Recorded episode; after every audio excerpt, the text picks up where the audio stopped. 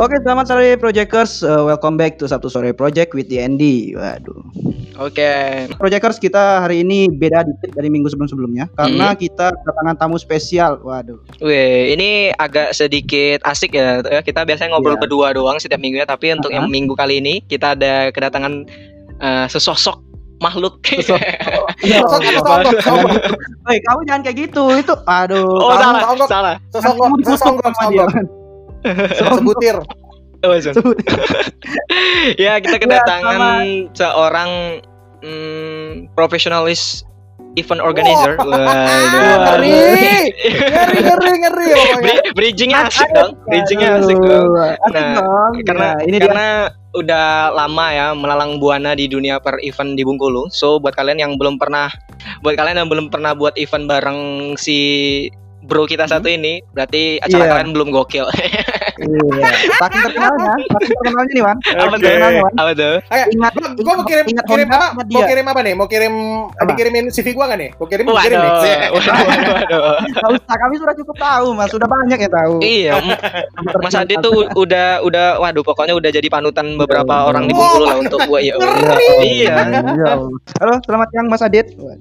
Selamat siang. Mas Adit ini kan terkenal sebagai event organizer yang wow gitu ya, Mas Adit. Wow. Nah, kami mau nanya gitu. Sebenarnya apa sih eh, gitu? Apa tujuan awal gitu? Apa yang membuat Mas Adit tertarik terjun di dunia IO ini? Mm-mm, benar sekali mas. Karena nggak semua orang kan bisa terjun ke dunia IO ini gitu. Oke. Apa sih yang paling Ah. memotivasi mas? Apa ya? Eh, sebenarnya gini.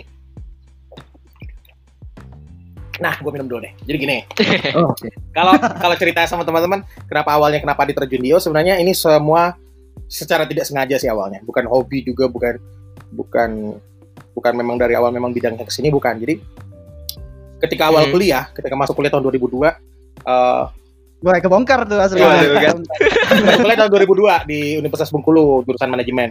Jadi dia itu termasuk orang yang pendiam, bukan orang yang yang heboh, yang pintar-pintar Oh. banget juga enggak. Jadi Oke. waktu itu memang memang harus dituntut eh, untuk cari duit dalam kondisi yang semuanya masa sulit waktu itu. Jadi ketika mama papa cuma bisa orang tua cuma bisa ngirim uang jajan satu bulan Hmm. lima puluh ribu buat eh, bulanan lima puluh ribu rupiah, lima puluh ribu rupiah buat bulanan. Adit tuh harus nyari eh, kekurangannya itu dengan cara apa gitu loh. Nah waktu itu sambil ngamen di Simpang Lima, sempat ngamen di Simpang Lima dari tahun 2002 sampai 2003 lebih deh. Sampai eh, terus sempat kerja di salah satu perusahaan rokok. Nah itu yang nggak lama nih Hmm. tahun 2000 2003 awal sampai tahun 2005 kerja di perusahaan rokok. Jadi mulai dari bantuin-bantuin event mereka, terus beberapa kali jadi apa? eh, jadi ya jadi MC MC acara-acara event yang dibikin event yang dibikin mereka gitu loh. Nah, akhirnya Hmm. sudah ditempa kayak gitu, akhirnya mikir oh kayaknya mendingan saya bikin perusahaan sendiri deh. Karena sebelumnya dia selama itu memang kerja kerja di Yoyo yang ada di Bengkulu banyak banget kayak Santana pernah kerja di sana juga, terus Mm-mm. ada Bang Bang Yan VIP juga bikin event juga kerja sama mereka juga waktu itu. Nah, awal-awal itu baru ngerasa oh, gue harus ngapain nih gitu. Kalau kayak gini terus susah gitu loh. Tapi se- sebenarnya eh, ketika nge-MC dan jadi kerja di event dari tahun 2003 sampai 2005 itu udah cukup sangat cukup sekali gitu. Karena waktu itu eh, satu satu minggunya bisa bisa dua tiga kali nge-MC. Ya dulu memang dibayar dibayar teh kotak sama kue kotak doang. Waduh. Terima terus, kasih ah, aja ya, kotak sama, ah, tahun 2003 itu cuma dibayar teh kotak sama dua eh, sama sama kue kotak atau nasi bungkus lah atau gitu sama mineral dulu. Bayarnya cuma itu doang atau Jadi- dibayar cuma dua puluh lima ribu atau lima puluh ribu gitu loh. Awal-awalnya. Oh, eh, jadi Mas Adit ini memang da- dari itu masih kuliah ya, Mas? Masih kuliah tahun 2002 ya, Oh. baru masuk kuliah. Oh, berarti memang Mas Ah. Adit jadi freelancer MC terus ikut-ikut IO Ah, itu memang dari MC. awal kuliah. Ah. Hmm. Eh enggak, eh, kemarin tuh juga sibuk juga di kamp, eh, aktivis-aktivis juga sih. Kemarin sempat jadi pertukaran mahasiswa ke UI dulu sempat. Oh, ya. Oh, Oh, gokil tuh. ternyata Mas Adit ini nggak kayak kita Wan, yang di apa di dunia kreatif Mm-mm. dia hebat, Nah, pintar. terus- Ternyata di studi juga pintar juga deh Wan. Iya, Nah, kita nggak kita nggak bisa awal dari kayak gitu. semuanya kan. nanti. Jadi awal-awal sih IPK sih lumayan 3,7, 3,8. Wah, Waduh. itu, itu kan lumayan Kenapa dong. ada angka-angka seperti itu disebutkan di podcast ini? ketika, ketika setelah setelah KKN itu nilai sudah hancur semua 2,1, 2,2. Oh, Jadi Iya, waduh, waduh. ternyata di ujungnya ya Mas ya. jadi di awal-awal kuliah nggak tuh udah ya lumayan bagus. Terus eh, berantakannya ketika eh, teman-teman mulai pokoknya se- setelah pulang dari ya, setelah pulang dari UI balik ke Bengkulu, Hmm. bik- eh, mulai bikin event IO, IO sendiri. Salah sa- satu-satunya IO yang ada di Bengkulu punya badan hukum ya Adit waktu itu. Jadi Adit waktu pas Waduh. di Ah, pas langsung diuli sempat punya mm, mm, mm. Nah, punya sendiri. Jadi pas tahun 2004 2005 itu ngobrol sama teman-teman di UI, ini cerita gini mereka eh, next Indonesia ini eh, setiap daerah itu akan ada sebuah perusahaan kita harus punya perusahaan sendiri untuk jadi ven- jadi vendor dari perusahaan-perusahaan besar gitu. Oh, ini udah Hmm, kita Oh, coba iya, gitu. Ngobrol diskusi sama mereka akhirnya dibikin lah waktu itu di eh, Bengkulu namanya Fokus Production, disupport sama teman-teman juga. Nah, ketika jalan itu setelah jalan, nah itulah yang buat kuliah mulai berantakan. Adit eh, ngerasain gimana ketika orang ujian semester Adit lagi di Jakarta lagi ada event, lagi di Surabaya lagi ada event, terus lagi di Padang lagi ada event. Orang semester Adit nggak pernah ikut gitu loh. Dan itulah mulai buat buat semuanya hancur 2005. Kalau mata kuliah udah nggak ada lagi tuh, tinggal tinggal tinggal skripsi toh, tinggal skripsi toh. Akhirnya itu 2005 ah, Oh. Bayangin orang 2005 orang masih masih sibuk dengan kuliah, Adit udah dari panggung dari satu panggung ke panggung lain gitu loh. Udah keliling Hmm, daerah, iya. udah ke ya lumayan lah, udah main banyak. Ya Adit cuma mikirnya dulu eh, gua harus bisa eh, zaman itu kan nggak kayak sekarang anak-anak sekarang belinya mobil, beli motor gitu. Nah zaman dulu yang siapa Hmm. yang punya paling gadget paling keren itu yang paling keren orangnya gitu loh. Nah jadi dulu baru Oh, gadget jadi- waktu itu ya. Oh, Ah, ja- jadi niatnya Gadget memang lah. pengen gengsi aja. ah gengsi gitu. Jadi orang ketika orang foto, orang kan pengen foto dengan artis. Adit tiap hari sama Iya. artis waktu itu. Eh, itu. Waduh. asik. Iya. Gitu tuh. Berawal dari gengsi menjadi rezeki. Waduh, keren banget. waduh. Eh, Orang ngobrol- Mas, mohon maaf nih bentar Mas di dipotong sedikit. Kita tarik mundur dulu kata Mas Adi sih kan eh, dulu pas di Bungkulu Mas Adi buat IO yang pertama kali punya badan hukum. Nah, Mas, mana agak sedikit tertarik nih, Mas. Emang sepenting itu ya, Mas, untuk membuat suatu IO di Bungkulu atau event organizer gitu? Tapi tapi kita harus mempunyai badan hukum yang kuatnya juga gitu.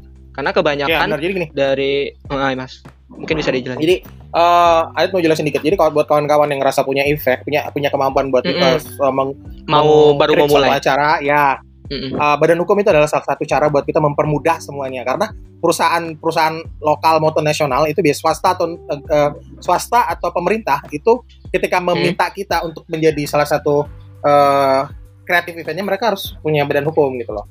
Fungsinya buat itu doang gitu. Jadi contohnya untuk untuk nyairin nyairin duit juga harus pakai itu harus ada badan hukum harus ada NPWP bukti pajak gitu Hmm. siup situ TDP kayak gitu kayak gitu ya berkas berarti surat-surat itu yang penting karena nah, bukan hanya modal stempel toh gitu loh jadi kita harus punya rekening Iya, perusahaan juga gitu loh jadi nggak bisa jadi kalau misalnya punya sekarang kalau nggak bikin kayak gitu ya kita nggak bisa ngambil pekerjaan gitu loh tapi kalau misalnya jujur kalau misalnya bikin event pertama kali di tahun 2000 2003, 2004, 2000 ini semua IO yang ada di Bengkulu belum punya badan hukum waktu itu. Mereka ya Nah, iya, belum. iya. minggu ini namanya minggu ini namanya lepek binti, minggu depan bisa namanya risoles, siapa aja gitu loh. Ah ya, Iya, bi- bisa ganti-ganti gitu. ganti ya. Iya, t- dan bisa ganti-ganti tergantung masih stempelnya gitu. loh. Jadi waktu itu tidak terlalu penting. ah, bener sih mas. Hmm. Itu itu tadi yang mau Nah, jadi ketika- tanyain juga kan. Nah, waktu pas orang pas baru mulai orang itu mikir. Nah, itu diskusi sama salah satu perusahaan rokok eh, ngomong eh, bosnya apa manajer area manajernya ngomong, "Dit, nanti semua perusahaan swasta ini akan butuh sebuah perusahaan kecil yang fungsinya Hmm. untuk mengerjakan pekerjaan-pekerjaan yang ada gitu loh. Nah, mereka tidak bisa. Jadi kita butuh orang ketiga pihak ketiga yang akan mengerjakan pekerjaan ini. gitu. Oh ya udah gitu loh. Ada bikin perusahaan waktu itu tahun 2005. Dan mulailah mulai dari seluruh event ya. Waktu 2005 eh sorry 2005 apa ya? Sa sorry 2005 eh oh sorry 2000 ya 2005 tuh ada Samson, Slang, eh, terus Oh. 2006 tuh ada Raja Ratu, Leto, Hmm. eh, Glenn Fredly, banyak deh, Gigi, Waduh. Naf, Hmm. Acara acara musik-musik konser gitu ya mas. ya konser, ya banyak. Ada sampai eh banyak lah. Jadi waktu itu belum belum belum belum booming. Jadi ketika orang bikin ada, ada event konser, orang bakal ngomongin, oh kerjanya Adit tuh, kerjanya Adit ya memang Iya, Nggak hampir- itu. waktu zaman itu hampir 90% event-event artis besar ya Adit yang ngerjain waktu itu. Karena tidak memang belum belum memang belum ada lawan waktu itu belum ada lawan maksudnya belum ada eh, teman bersaing gitu loh karena rata-rata mereka kan perusahaan yang tidak punya badan hukum gitu loh. Badan hukum tadi. Oh. hmm, Nah, akhirnya tahun Kalau- 2007 eh 2007 apa 2006 ya? 2006 akhir itu semua teman-teman bikin badan hukum semua. Bikin IO semua gitu. Akhirnya banyak. Hmm. Akhirnya ada Banyak. persaingan seru. Ada persaingan. Nah, Karena- nah, karena ada ketika mereka udah persaingan ya, benar. Nah, ketika mereka ketika ada bersaing, Adit Adit sudah mikir, oh gila, gue nggak bisa bermain di sini aja dong. Gitu. Ada akhirnya mulai ekspansi ke daerah-daerah. Ah. Ketika teman-teman bikin eventnya di lokal, Bengkulu, akhirnya udah bikin event di Linggau, Palembang, di Padang, di Jambi. Oh, di Mas. Adit udah malah Ah, bikin event di luar. Bengkulu ya. Nah, Wah, itu. cangkupannya Jadi bakal akhirnya- bakal lebih luas lagi kalau kayak gitu. Nah, ketika ke sana Adit nggak pakai perusahaan pribadi, jadi Adit kerja sama dengan orang, jadi Adit jadi freelance itu jadi timnya orang gitu loh. Nah, Ah. Jadi tidak bisa kalau kalau perusahaan kita untuk dibawa ke nasional, kita minimal punya perusahaan besar kayak PT, nggak bisa pakai CV. Oh, berarti memang oh, berarti memang kita harus jeli ya Mas ya lihat benar. eh, apa Jadi kalau kamu kalau- ada gitu. Tadi kan diobrolin sama Mbak Nayu gimana gimana Mas Adit awal awalnya bikin waduh. Kalau misalnya awal-awalnya bikin Adit timnya nggak banyak sampai saat ini juga tim Adit nggak banyak. Adit cuma punya tim uh, cuma ada orang produksi, kepala tim produksinya sama eh anak desain. Itu tuh Adit. Nah, jadi kalau misalnya proposal Adit kerjasamanya ngobrol sama anak produksi sama anak desain. Nah, itu doang, nggak ada yang banyak-banyak. Timnya nggak banyak, cuma empat orang atau lima orang Adit kalau nggak salah.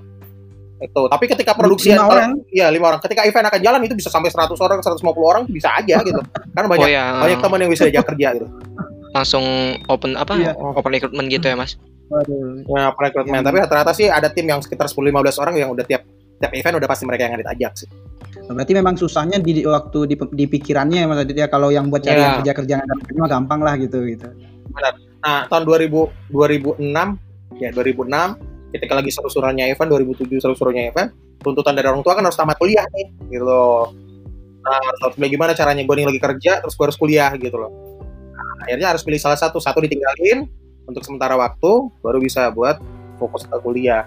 Memang memang harus ditinggal jadi ninggalin event hampir eh, tiga empat hampir setengah tahun lah memang fokus untuk memperbaiki mata kuliah gitu loh. Ada tahun itu vakum, vakum Ya, sevakum benar-benar vakumnya.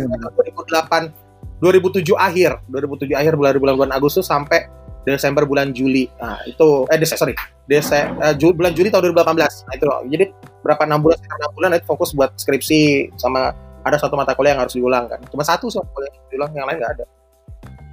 Hmm. Udah itu wisuda, Mas. sudah tahun 2008 sudah tahun 2008 Oh, alam- alhamdulillah. Ya. happy ending juga akhirnya. akhirnya Happy ending.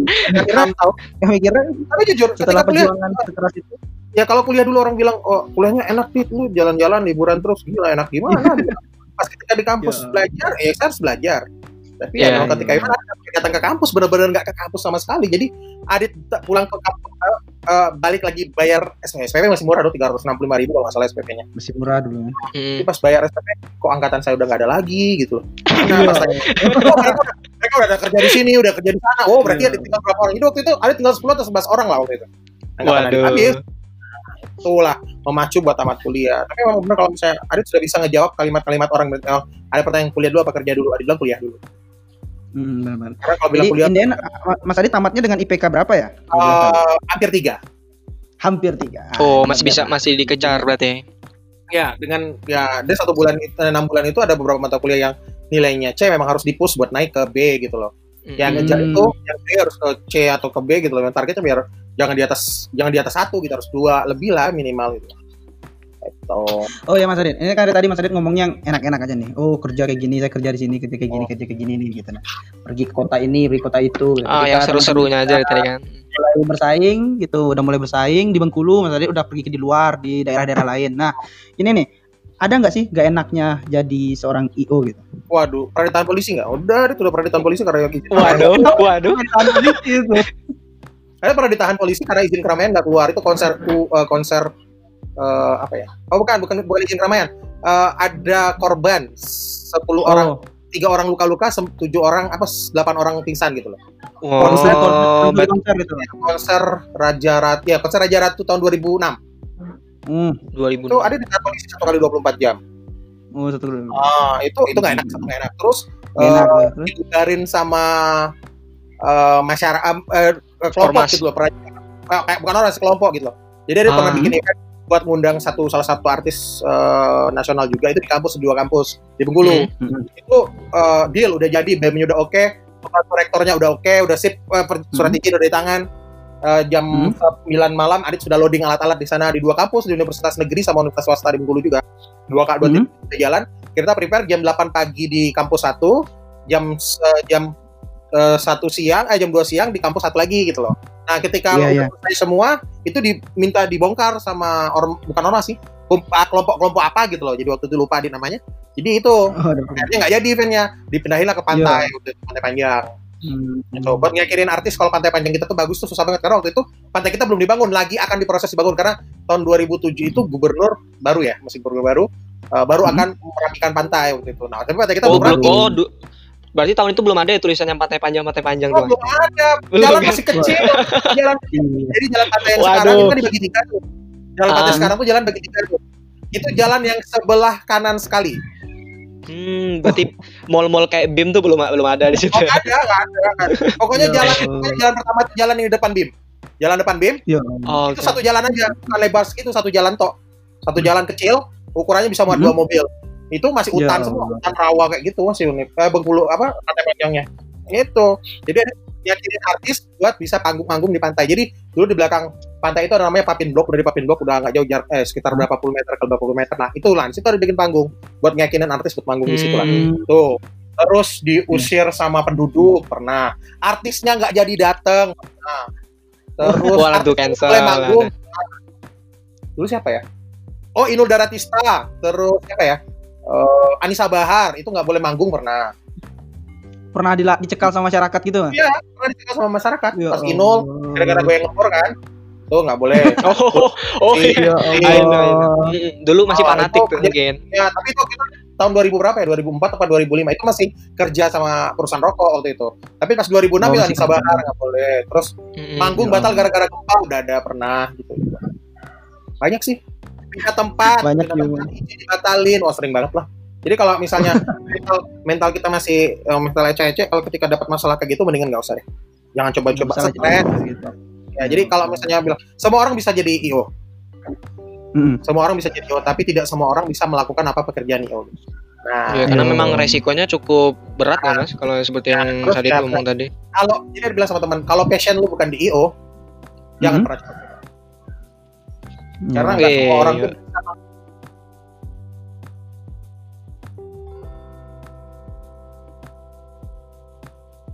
Oh itu tuh jiwanya tuh tuh ketika kita bikin acaranya jadi semua konten Iya. jalan itu baru bisa baru dilakatakan Ngeme- sukses gitu. Nge-manage acaranya itu ya ya, supaya mm, biar lebih sukses. Nah ini mas, Oh. eh, tadi kan udah cerita tentang pengalaman mas, enak gak enaknya untuk menjalani event organizer, terus tantangannya gimana, struggle gimana. Nah, yang jadi Oh. pertanyaan yang paling kuat nih mas, dari tadi nih saya pengen nanya sebenarnya. Mas Adit ketika mau bikin suatu event itu pasti satu event dengan satu event lainnya pasti ada pembedanya dong, nggak mungkin sama kan? Nah, Hmm. karena mungkin ada tema baru, ada ada ada, ada apa, apa mungkin ada apa namanya kayak semacam kegiatan yang di, perlu diinovasi. Iya. Nah, itu Mas Adit nyari inovasinya dari mana, Mas? Nyari referensinya gitu-gitu. Supaya Karena- bisa terus berinovasi dalam event.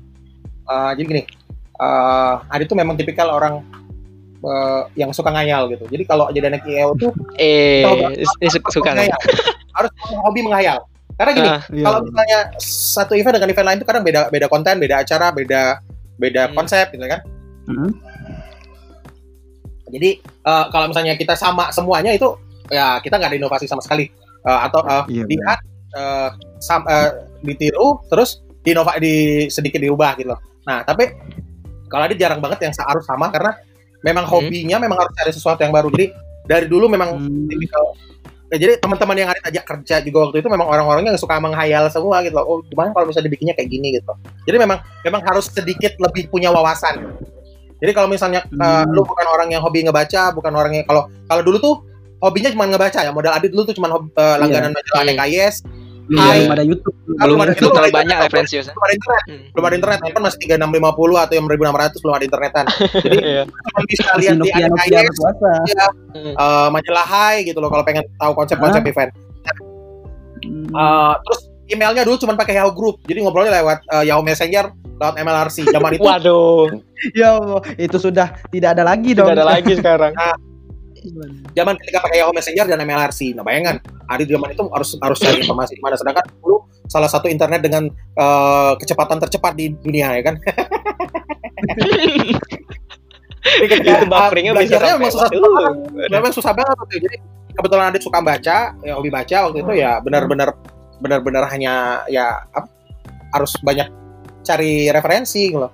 Terus sekolah juga sih sekolah. Kalau pengen, Sekolah. pengen lebih banyak Hmm. ilmu harus sekolah. Gitu. Jadi ada banyak Hmm. nih banyak di ada perusahaan ah, bukan perusahaan ada komunitas-komunitas IO, eh, komunitas-komunitas kreatif yang ada di luar sana itu bikin sekolah-sekolah Hmm. tentang event gitu loh. Jadi ikutan. Oh gitu. Oh, Mas Adit join harus ke komunitas itu. Hmm. Nah, Kalau ini, kalau ini, sekarang lagi Adit, gimana? Ah gini Mas Adit mau nanya dikit nih. Mas Adit di apa? Eh, Asli Bengkulu Mas Adit. Asli mana? saya aslinya orang Bengkulu, lahir di Bengkulu, besarnya di Curug, tapi kalau darahnya Minang. Kalau sekolahnya di mana Mas? SMA, SMA-nya dulu SMA-nya dulu di Curup. SD TK sampai Ah. SMA di Curup. Hmm, gitu. TK sampai SMA di Curup, kuliahnya di Unir. Kuliahnya di Unif. Berarti belum pernah keluar gitu. Selama itu ya Mas Oh, Adit belum kalau dibilang Adit keluar belum pernah dari belum belum pernah Adit pernah sekolah di luar. Nggak pernah. Jadi eh, saat Adit ngobrol kayak gini orang kenal, oh Adit itu bukan orang Bengkulu nih pasti. ya kan? Ngobrol bukan orang Bengkulu nih karena nggak ada sedikit pun logat Adit itu yang sama banget dengan orang Bengkulu. Tapi ya memang udah dari dulu Iya, memang memang terbiasa terbiasa harus menggunakan bahasa Indonesia, bahasa daerahnya Adit tuh Hmm. Minang. Hmm. Oh. Bahasa daerah Minang bisa. Bahasa bahasa daerah karena di di rumah itu bahasa bahasa Minang ngobrol sama mama papa juga harus pakai bahasa Minang dulu. Walaupun di terus sama bahasa Jawa karena kan lingkungan kampung juga waktu itu bahasa Jawa. Jadi bahasa Jawa sama bahasa Rejang ya zaman dulu kecil lah gitu. Nah pas ke Bengkulu kan bahasa- eh, logat udah mulai hilang terus ketemunya dengan orang-orang Hmm. yang beda-beda gitu loh. Akhirnya ya ngebuat kita nge-build atau ngebangun diri kita tuh ya memang ada tuh ya, ngerasa gue dari kampung harus punya pengetahuan yang lebih luas dong gitu loh. Ternyata teman-teman waktu pas zaman zaman tahun 2002 2000-an itu anak luar tuh banyak kuliah ke Bengkulu Uh, jadi kalau di kampus ngomong pakai bahasa lu gua lu gua itu udah nggak aneh gitu. Oh, zaman dulu tuh banyak yang datang ke Bengkulu ya, Iya, kita orang luar. dari Jakarta itu kuliahnya ke anak pokoknya anak-anak pelarian lah ke Bengkulu semua gitu loh. Yang nggak lulus di Iya, UI, iya. yang Ya, lulus di Unpad, lulus lari di- lain pokoknya lulus negeri di Bengkulu gitu loh. Negerinya lulus Yang penting negeri gitu ya. ya Bengkulunya pilihan kedua atau pilihan ketiga gitu loh. Wah, itu pasti lulus. Hmm. Nah, balik pertanyaan apa tadi, Mas? Eh, Kan Masnya dari eh, dari TK nih nggak pernah keluar provinsi nih. Pernah merasa minder nggak sih waktu pertama kali keluar di Bengkulu? Soalnya kan pernah ngomong Nah. ikut-ikut pergi bikin ke Jakarta yang kayak gitu. Eh, kalau minder sih enggak sih ya karena eh, dari kecil sih apa ya eh, udah terbiasa dengan kayak teknologi baru sih udah udah pernah nyicipin semua waktu itu gue. Mm-mm. Nah, tapi kalau yang bikin minder kita ada yang tidak kita bisa orang bisa gitu. Bahkan kita merasa kalau di daerah kita taruh oh, oh gue bisa semua nih. Tapi pas sampai di de- eh, kota gitu atau di sampai Jakarta, wah kita nggak ada apa-apanya. Gitu. Ada berapa kali sekolah sekolah ini kan udah berapa kali ya? Mm-mm. Kayaknya udah enam lima kali lebih deh di sekolah event. Nah, sekolah sekolah event yang pertama ya. Sekolah event yang pertama ini benar-benar jadi ketika orang ngomong wah jadi anak IO tuh gampang, cocok lu Iya. bisa jadi otodidak benar otodidak tapi eh, kalau nggak sekolah sama sekali nggak ada pengetahuan sama sekali nggak ada gunanya gitu loh yang yang yang itu modal utamanya pokoknya pengetahuan Iya. ya Adit ya.